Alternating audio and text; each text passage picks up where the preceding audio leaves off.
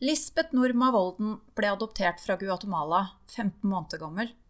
Hun har gjennom hele oppveksten vært nysgjerrig på biologisk opphav, og skulle bli 27 år da hun for første gang sto ansikt til ansikt med biologisk mor.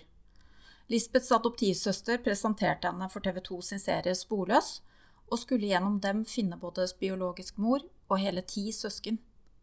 Lisbeth forteller om følelser og tanker rundt hennes reise, og refleksjoner man gjør seg i etterkant. Da har jeg vært så heldig å få komme på kjøkkenbordet ditt, eh, Lisbeth. Eh, jeg kom over din historie første gang da du var med på Sporløst. Eh, kan ikke du fortelle din historie fra du, det du husker, og det du har fått opplyst? Ja, det kan jeg gjøre. Jeg kom til Norge da jeg var ett og et halvt år ca. Da hadde vel familien min venta på meg i seks år. Jeg kommer fra Guatemala. Fra en liten kystby. Til Hedmarken. Så der jeg vokste opp, sammen med en annen adoptivsøster som er fra Ecuador. Så vi har to forskjellige land som egentlig har syntes på oss i alle år, egentlig. Det, vi er veldig forskjellige. Jeg fikk jo vite min historie når jeg ble konfirmant. Da fikk jeg se papirene mine, og da syntes jeg det var på tide at, jeg skulle få se litt innblikk, da. For jeg var veldig opptatt av min opprinnelse fra jeg var liten. Og lekte alltid indianer og sånn. så, så, jeg spurte mange ganger om kan jeg få vite noe mer. Men uh, de holdt det tilbake. Uh, og egentlig så er jeg litt glad glad for det. Jeg tror man trenger å være kanskje i en viss alder hvor man forstår litt forskjellige ting, da. Før man får vite det. Eh, og vi hadde veldig mye opplysninger. Eh, men eh, Men det var vel ikke før Ja, jeg var vel 14-15 år. Da hadde vi en sånn tilbakereise til Guatemala gjennom Adopsjonsforum. Mm. Eh, før den tid så hadde vi vært mye i den Ecuador-klubben, da, for jeg har en eldre søster, så det var der vi på en måte hadde vært mest. Eh, men når vi da skulle tilbakereise, så valgte vi å gå inn i Guatemala-klubben. Sånn at jeg kanskje skulle bli litt kjent med folk og være litt tryggere på tilbakereisen. Da. Så var vel i 98 så dro jeg og foreldrene mine til Guatemala med en stor gjeng. Eh, folk jeg ikke kjente, og folk jeg kjente. Mm.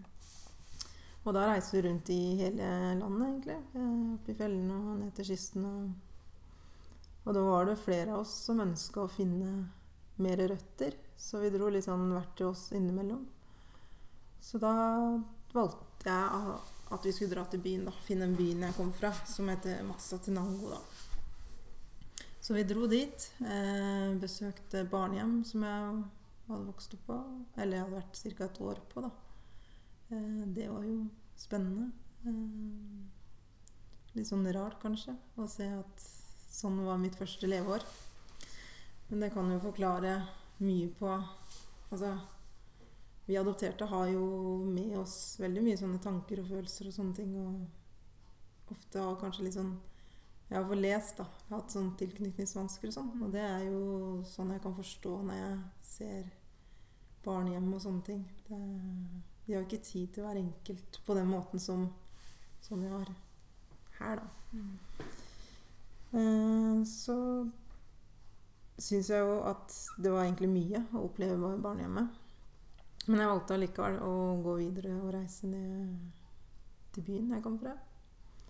Eh, og finne sjukehuset jeg var født på. Eh, og da var jeg jo ja, 14-15 år. og kanskje en alder hvor du har veldig mange følelser og tanker. Eh, men eh, gjennomførte det. Og tenkte vel kanskje at vi skulle prøve å finne noe mer, men jeg stoppa det sjøl, egentlig. Eh, sa at det er nok. Eh, jeg tror jeg trenger noen flere år på å kanskje finne opp noe. Eller kjenne på det. Og du vet jo ikke om de har lyst til å møte deg eller ikke. Så så da vil jeg ikke noe mer da. Og jeg angrer egentlig ikke på det sånn sett. Jeg hadde jo bestemt meg for at når jeg ble eldre, så skulle jeg jo finne noe mer. Det var liksom ikke noe spørsmål om det. Eh, så var det jo da i 2010 at eh, søsteren min kom over sporløs eh, og sa at nå har du venta så mange år på å finne noe mer, og jeg vet du ønsker det, og nå søker TV 2 etter flere. Så sa jeg at eh, hvis ikke du sender inn nå, så kommer du til å angre. Hvor gammel var du da? Da var jeg jo um, Ja 20 26, ja, cirka. uh, Da var du klar. da følte jeg meg klar. Ja. Ja. Ja. Da var jeg liksom Så når hun, hun det, ringte meg og sa det, så sa jeg ok, greit, jeg skal sende inn en søknad. Og jeg tenkte at jeg var en av veldig mange.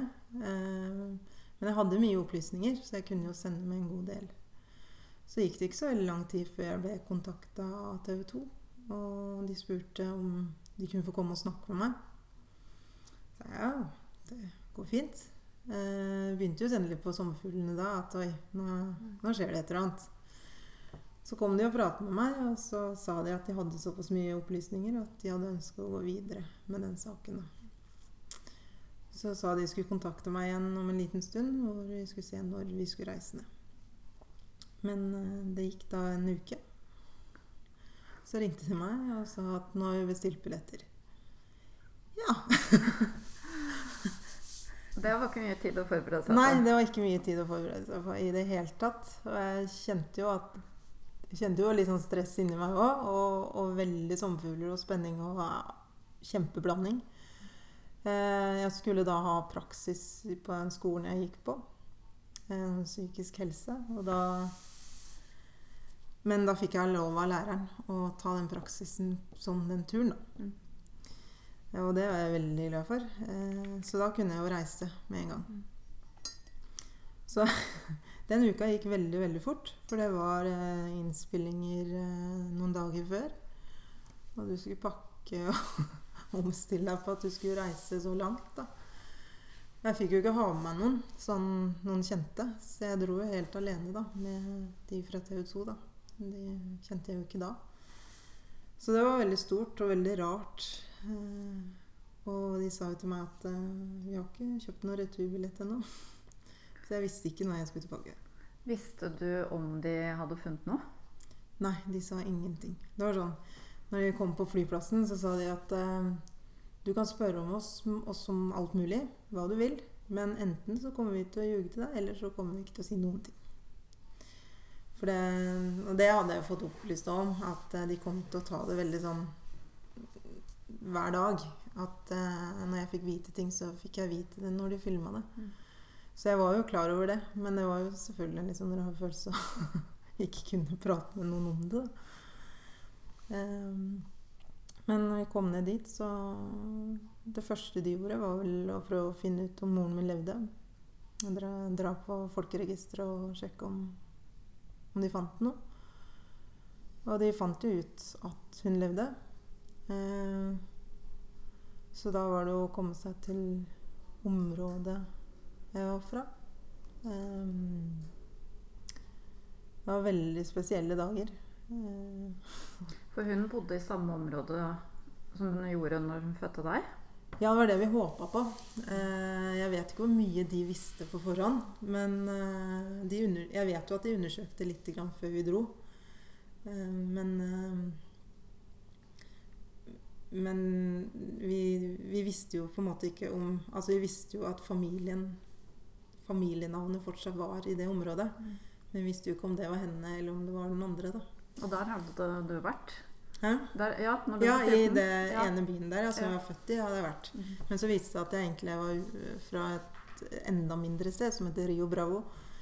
Eh, og det var eh, Det var et lite stykke unna den byen jeg hadde vært, da. Men eh, vi dro eh, gårde, og så dro de og undersøkte litt før jeg kom, da. Mm. Eh, så fant de det huset som familien min hadde bodd i da jeg var liten. Eh, eller da, var, da hun gikk gravid, da. Så, så fant de det huset. Eh, så da tok de meg med dit. Men de fant jo ikke noe familie da. Men allikevel så var det en veldig spesiell følelse å kjenne på at her, her har min biologiske mor vært. Og det var jo ikke noe kjempestort hus. Det er ikke sånne hus som vi har her. Eh, og der vet jeg hun hadde bodd med Jeg har da tre eldre søsken da som jeg visste om. Og eh, en bestemor og to onkler. Så de klarte seg på et veldig, veldig lite rom, da. Så det, det var litt rart, sånn, sånn sett. Eh, og det var en liten sånn landsby, så alle naboene der var jo veldig nysgjerrige. Og så kom det jo en mørken sammen med lyse, da. Så de var jo veldig sånn, skeptiske på hva var dette for noe. Men, eh, men vi ga jo oss ikke. Så om kvelden så hadde da TV 2 fått telefon fra noen i den bygda da, som sa Fordi de nekta først for at de visste om, om noen da, i det området som het, het det. Eh, men så ringte vi på kvelden og sa at eh, vi vet det egentlig. Det var at vi trengte litt tid til å liksom være trygge på at dere ikke kom for å ødelegge noe eller skade oss eller ja. Så, så det var egentlig ganske et kjent navn i det området. Eh, så viste det seg at kusiner og fetter og en tante bodde i det området da, som vi hadde vært i. Så de var jo en av de som hadde stått og sett på oss, da. Så, så det var stort. Eh, men eh, de reiste jo før meg igjen, da, for å undersøke det. Eh, og da hadde de jo funnet, som vi også ser på filmen, eller sporløst, da, at de fant tanta mi og kusina. De viste da veien til moren min. Så når de kom tilbake, så det var jo Silje Stang som hadde programmet som jeg var på. Så så jeg jo når hun kom, at hun var rørt, og jeg skjønte jo at nå hadde de funnet noe. Eh, så de fortalte jo det, at eh, vi har funnet moren din. Eh, du har litt flere søsken enn det du hadde på papirene. Så det viste seg jo at jeg hadde ti søsken, så vi var jo elleve. Men det var kun jeg da, som var adoptert bort. Resten bodde i Guatemala. da. Så det var liksom også veldig sånn spesielt. Da satte jeg i gang en veldig tankevirvel hvor jeg tenkte hvorfor ble jeg gitt bort? Hvorfor eh, var ingen av de andre adoptert bort? Så det var mange spørsmål jeg satt med. For jeg hadde jo mye opplysninger på papirene, men det sto ikke sånn spesifikt hvorfor jeg ble gitt bort. da. Jeg hadde jo bare gjort meg opp tanker sjøl at hun jobba som iskremselger. Eh, og tjente kanskje 18 kroner om dagen.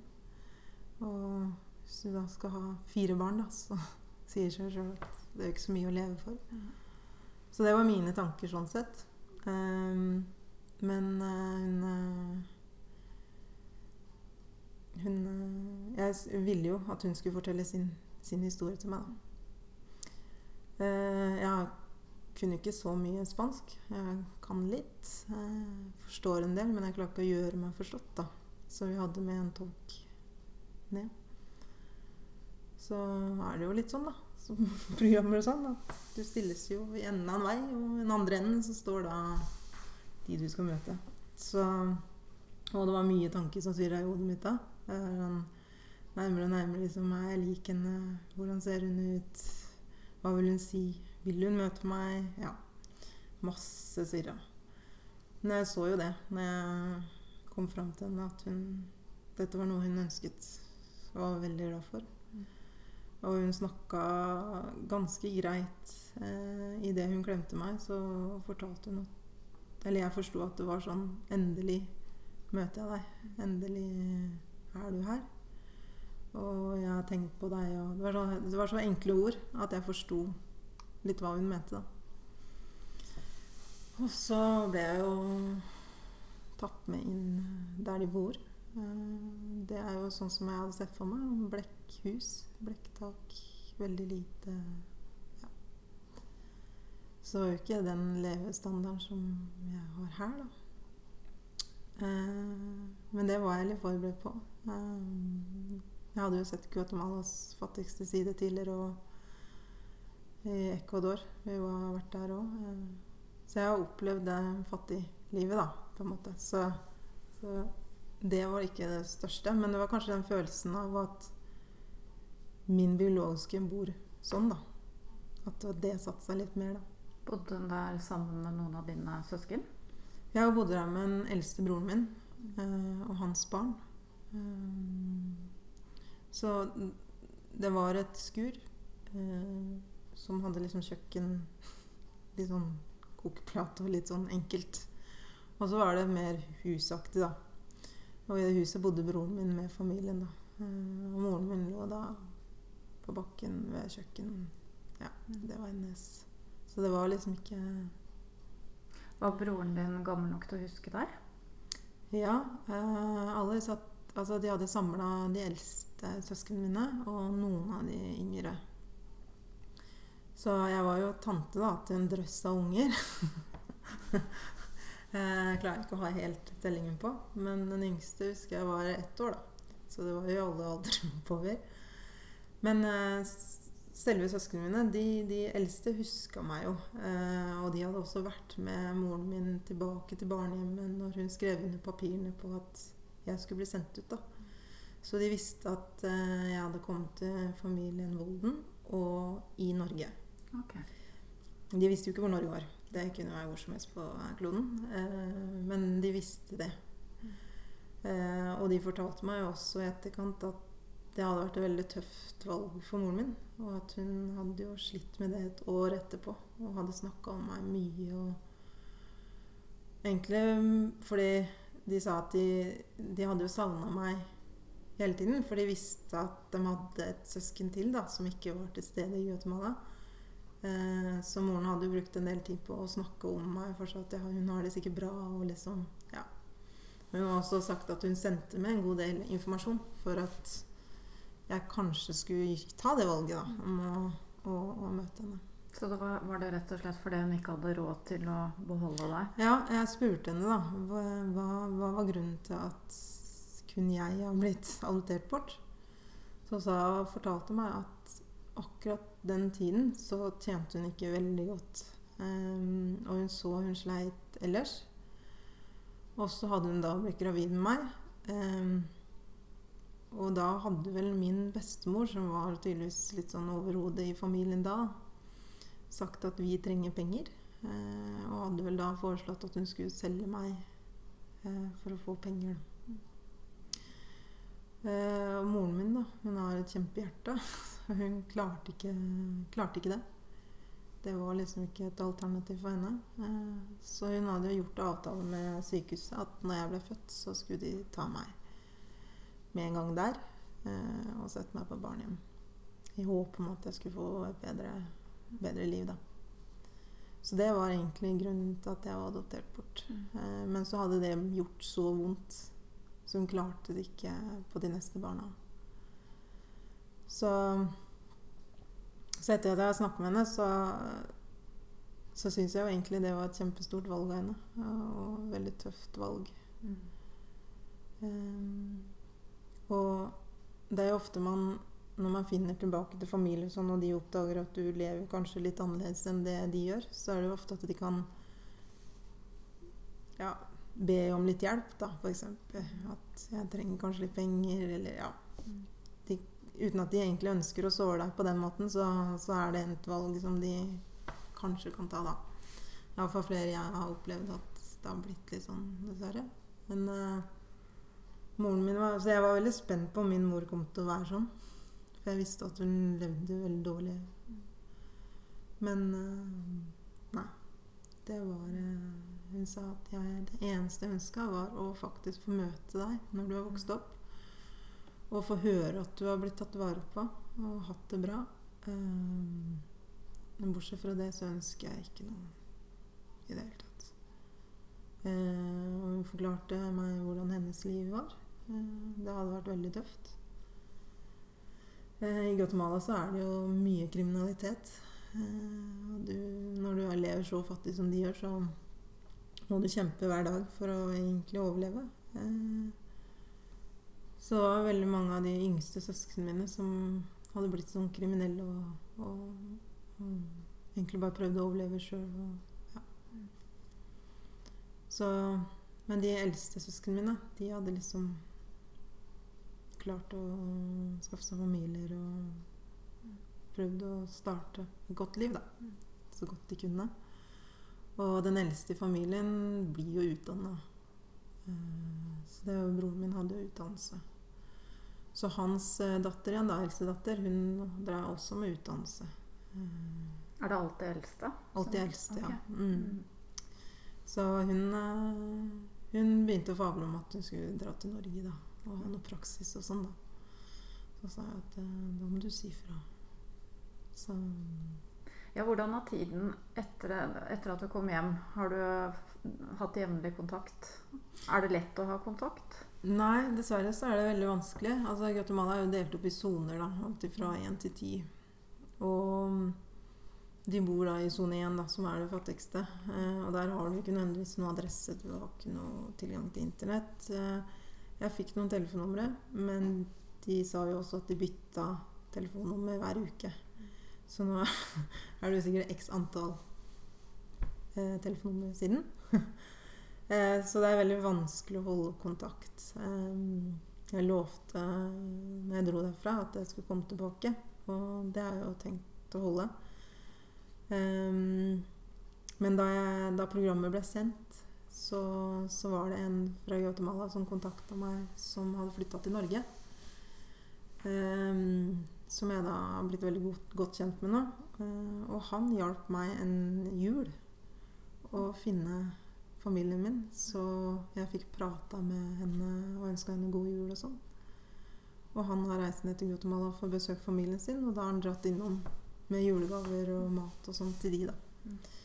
Så de har jo på en måte snakka med meg og fått litt av meg etter programmet, da. Men, men det er ikke så lett å holde den kontakten, da.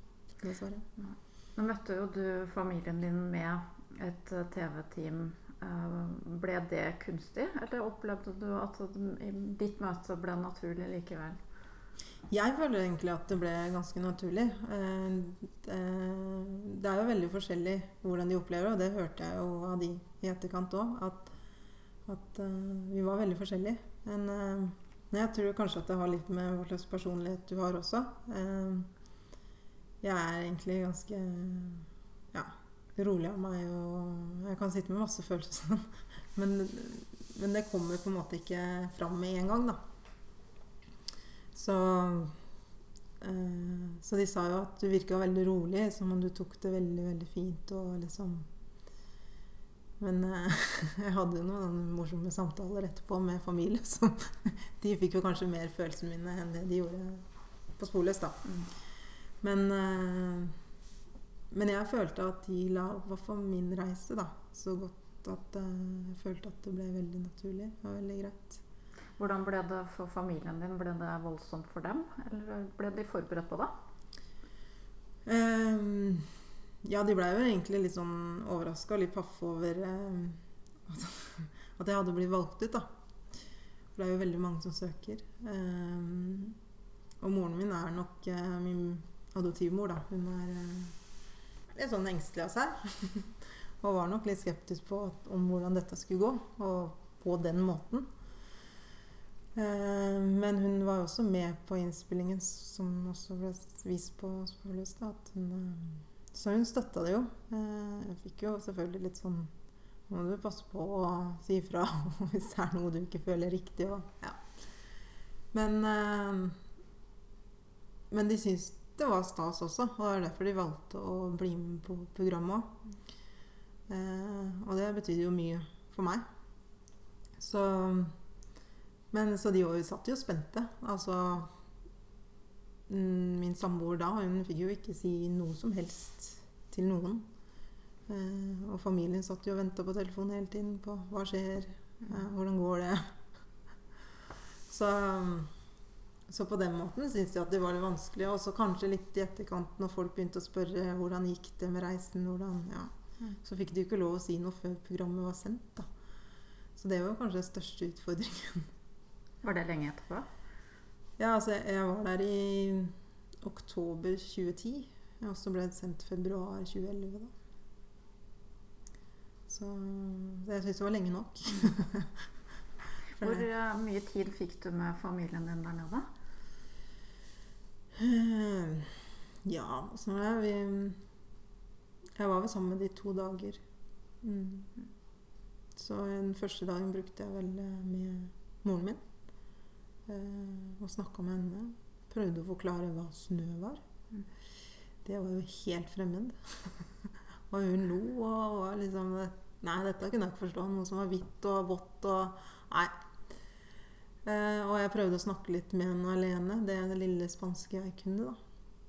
Men hun er jo opprinnelig maya-indianer og snakka egentlig en av de 13 mayaspråkene, da.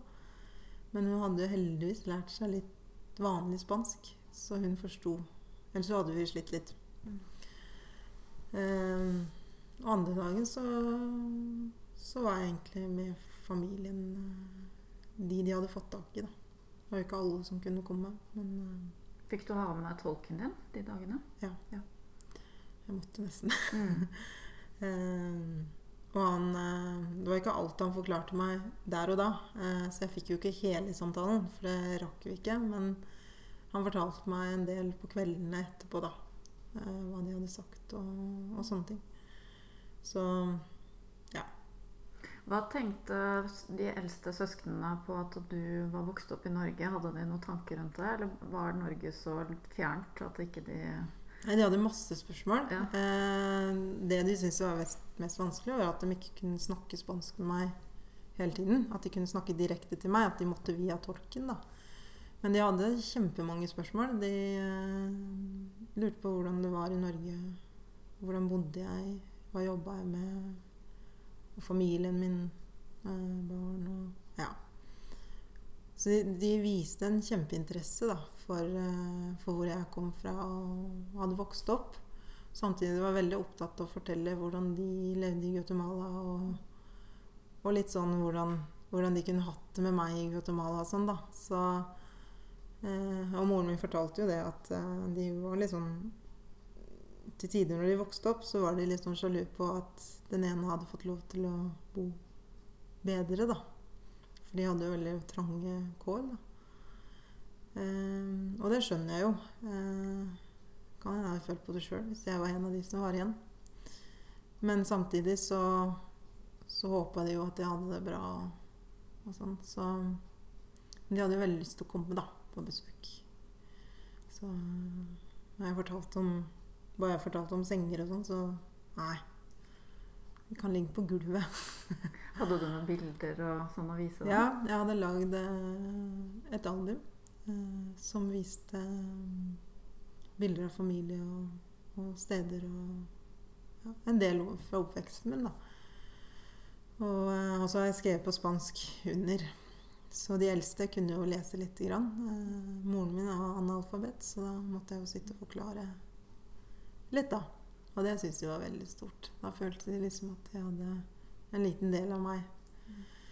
Eh, og blitt litt kjent med familien min, da. Jeg tenker på den tiden du bodde på barnehjem. Du var jo halvannet år når du Mm. ble adoptert. Hadde moren din anledning til å besøke deg og holde kontakt med deg der? Jeg tror nok, eh, sånn jeg hørte, så hadde hun fått spørsmål om, det, om hun hadde lyst til å komme og hilse på meg. Eh, men hun valgte å si nei, da.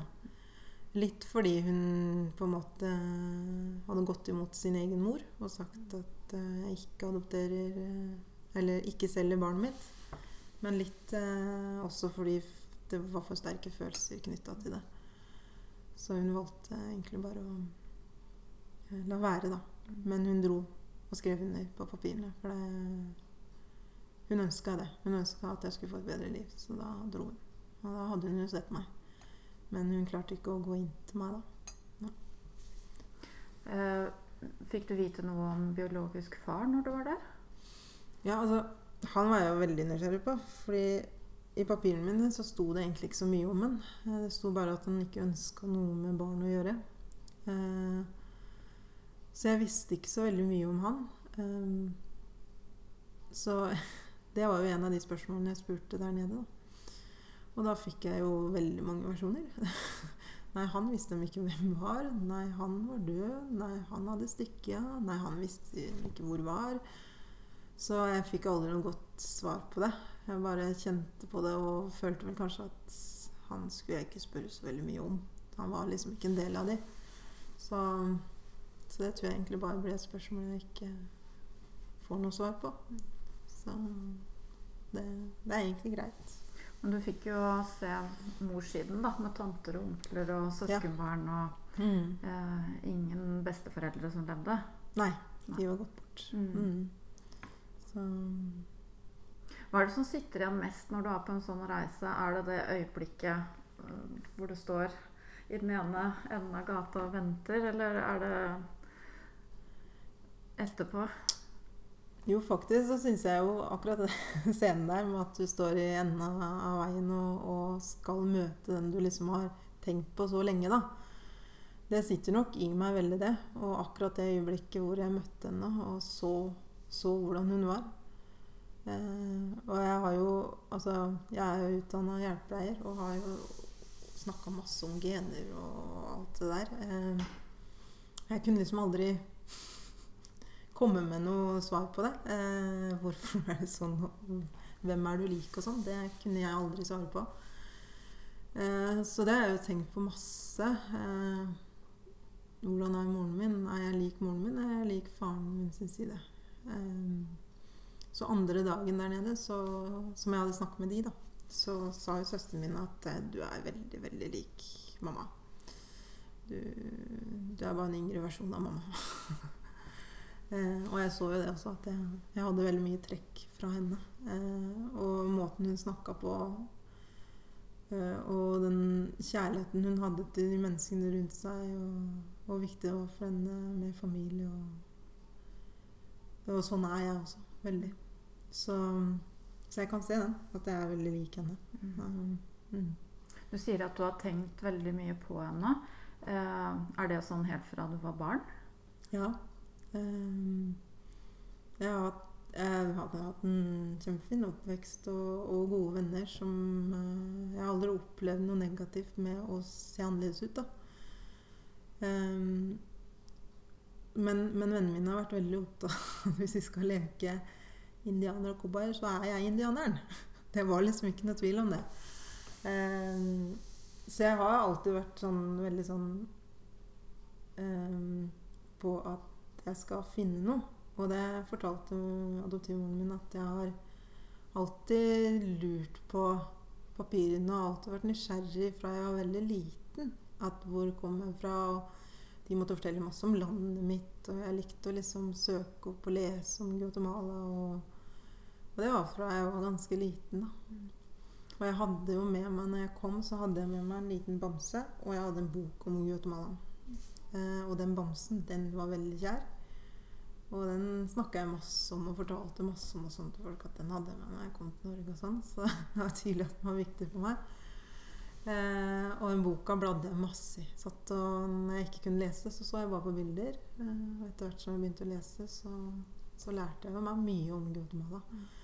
Så de skjønte jo at det gikk den veien at hun her, hun vil nok søke opp noe etter hvert. Eh, det var moren min også veldig klar over. Så, men jeg har jo ja, den adoptivsøsteren min fra Ecuador, hun er jo stikk motsatt. Hun ønsker jo ikke å finne noen. Så vi har vært veldig, veldig forskjellige der. Men hun har jo støtta meg veldig, da. Eh, Og det var hun som fant annonsen til Sporløs, da. Så ja. Så jeg har nok eh, Og etter hvert som jeg ble litt eldre, og, og, og ung- Eller venninnene mine som begynte å snakke om at å, jeg er så lik pappa, jeg er så lik mamma, eller ja. Så begynte jeg å tenke på min biologiske mor. At er jeg lik henne? Eh, liksom. Og siden da så har jeg nok eh, tenkt på henne sånn hele tiden. Mm. Vært nysgjerrig. Så når du dro på den første reisen da du var 14, så kunne jo du egentlig en del om Guatemala, du. Ja. Men eh, du sa også at eh, da var dere medlem av den her Guatemala-klubben, og at flere hadde prøvd, eller ville gjerne prøve å finne noen Mm. der nede. Var det noe dere snakka om og planla på forhånd? Ja, altså Nå var ikke jeg i Guatemala-klubben før året før vi dro til Guatemala. Men eh, på det treffet så ble jeg jo fort kjent med den gjengen som var der. Og det var jo en del av de som skulle være med på den turen, for da visste vi jo hvem som derfra som skulle være med på turen. Og da satt vi jo en kveld og så snakka sammen om eh, hvordan det kom til å bli, og hvem av oss som ønska å finne ut noe mer, og hvem av oss som ikke ville det. Som bare ønska å se landet, da. Så vi delte jo veldig mye eh, sånne tanker. Eh, og det gjorde vi egentlig når vi dro på tur nå. Altså vi var jo en kjempe, kjempegjeng. Vi var vel mm, 50-60 stykker. Eh, og vi var jo Ja, den yngste var vel ti, tror jeg. Eh, så var vi opp til 18. Eh, så vi var veldig spredt i aldre. Men på en eller annen måte så allikevel så er vi veldig knytta. Vi ble som litt sånn storesøsken for de minste, liksom.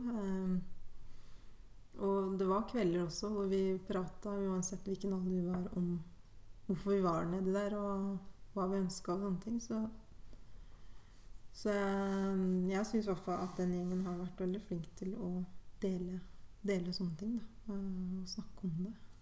For du har vært aktiv i den klubben hele tiden etterpå?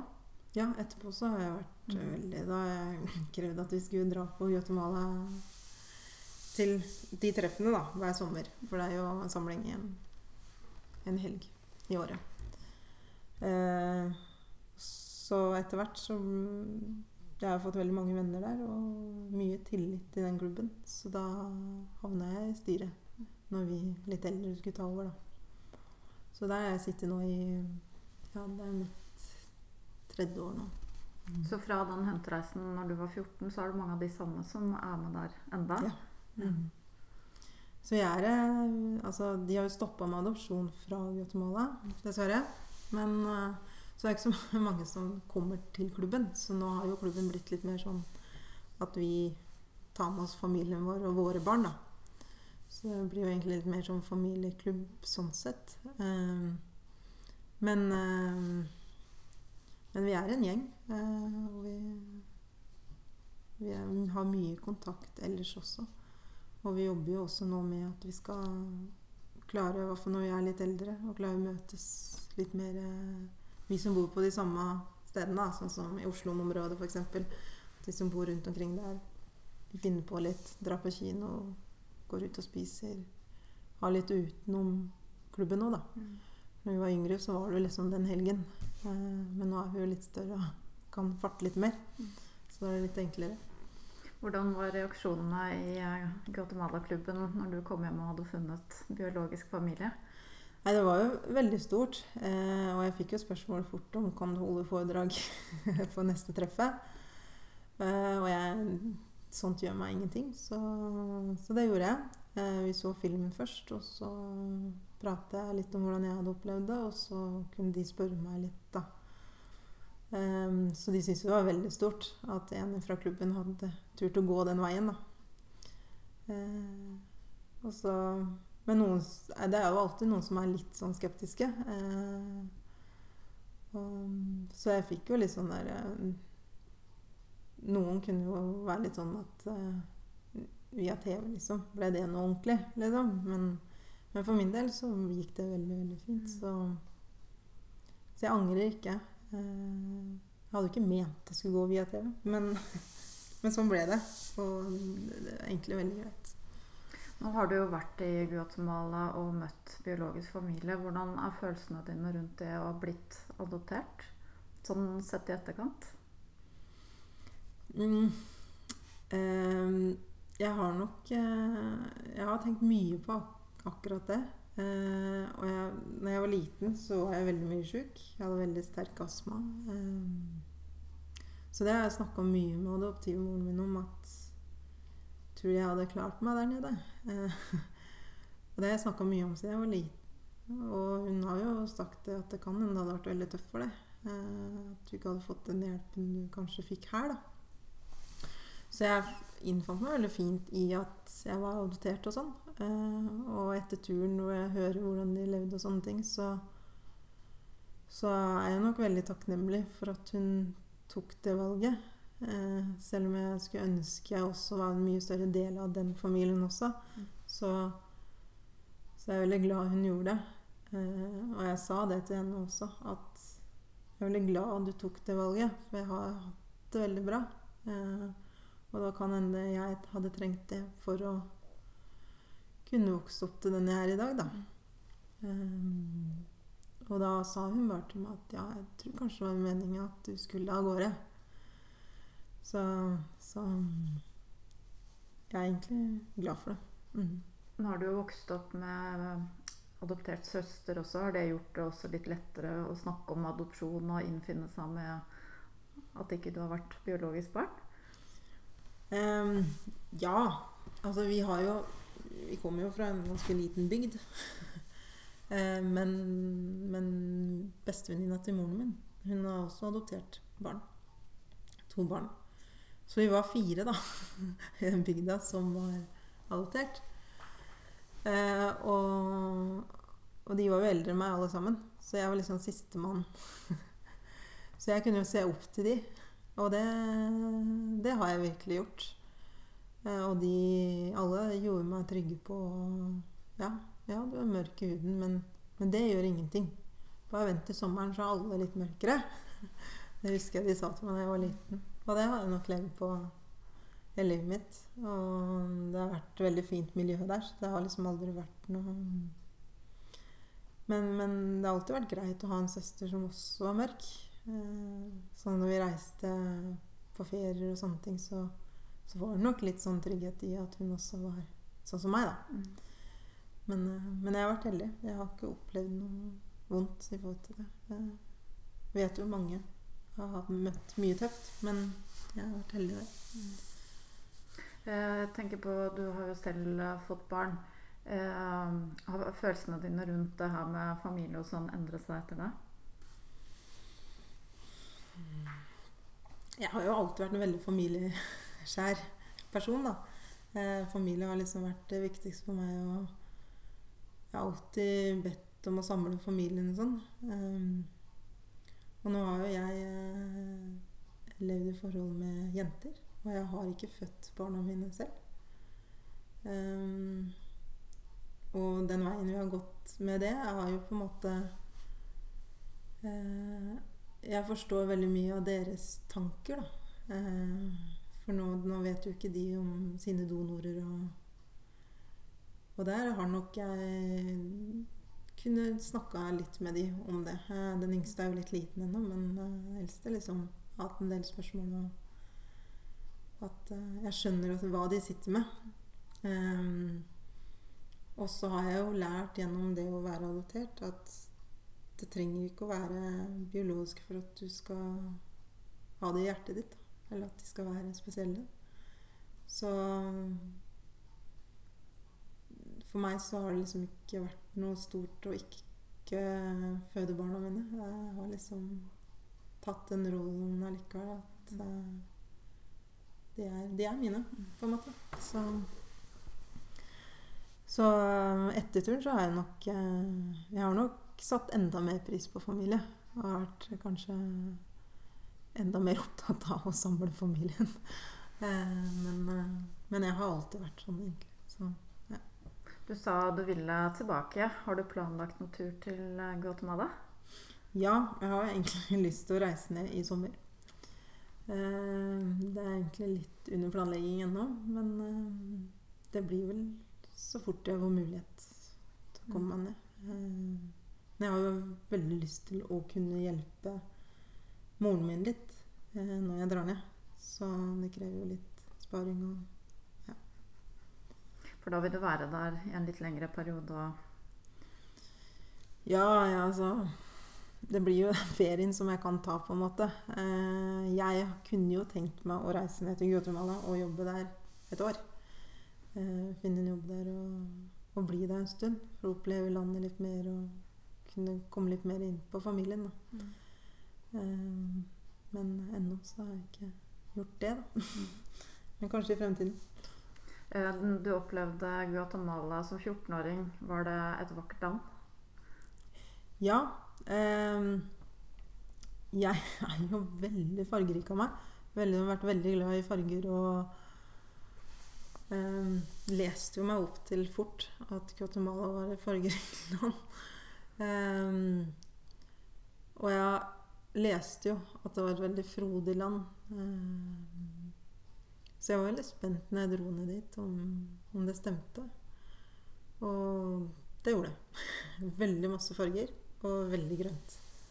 Um, og ja, det er et kjempefint land. Og, og, bare folket der nede gjør landet fint.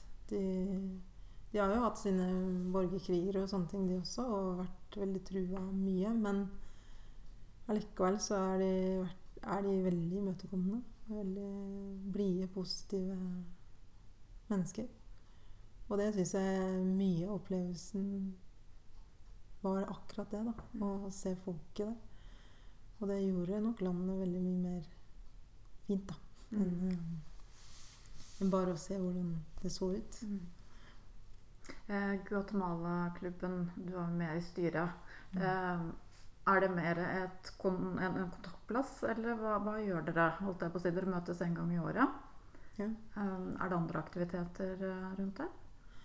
Det har ikke vært det. Det har vært eh, samlingssted en gang i året. Eh, det har vært et styre på fire-fem stykker. Og så farter vi rundt i hele landet. Eh, det har liksom ikke vært noe bestemt sted. Vi kan ha samme sted et par-tre år på rad, men så har vi flytta på oss igjen. For det, vi er jo spredd over hele landet. Så vi må jo Noen ganger så må vi jo reise litt lengre for at andre skal få det litt nærmere igjen. Så det har vært, og det syns jeg har vært veldig fint, for da har jeg opplevd Norge også på veldig mange måter. Eh, så det har vært den helgen. Eh, men nå når vi har blitt eldre, så ønsker vi å ha mer kontakt. Og ønsker jo at familiene våre skal møtes, og barna skal møtes. Så da prøver vi å finne litt mer eh, ting vi kan gjøre, da. Men, ja, kino, gå ut og spise, møtes til vinterdager Ja. De som kan, da. Mm. Um, og da prøver vi å ordne så det blir en, ja, en sånn samling i Oslo, kanskje en samling i Trondheim. Ja, mm. Et sånn midtpunkt, da. Mm. Så, og det kommer vi nok til å jobbe for videre også. At klubben skal være litt mer enn bare en helg mm. i året. Er det viktig for deg at barna dine vet litt om din bakgrunn? Ditt ja. og din kultur derfra? Det har nok eh, vært veldig viktig for meg. Eh, og hun eldste har jo hatt masse spørsmål. Og hun, eh, hun var ikke så stor når, når, jeg dro til Guatemala med sporløs. Og da var hun sikker på at jeg skulle flytte dit, og at jeg aldri kom tilbake. så hun, har, eh, hun, hadde en liten sorg da. Um, og den har vi snakka masse om i etterkant etterpå at uh, det var en tur. Og da har hun blitt veldig nysgjerrig på Og hun har jo alltid sett at mammien hennes har Jeg er mammi, da. uh, har sett annerledes ut enn enn de andre mammaene og sånn, da. Så hun har jo spurt meg masse om det, og hun fanga veldig fort opp at jeg var en indianer. Mm. Og det har jo vært veldig, veldig stort. Eh, så hun har vært veldig trygg på, på det hun har. Og um, har visst prata masse om meg, sånn indianermessig, da.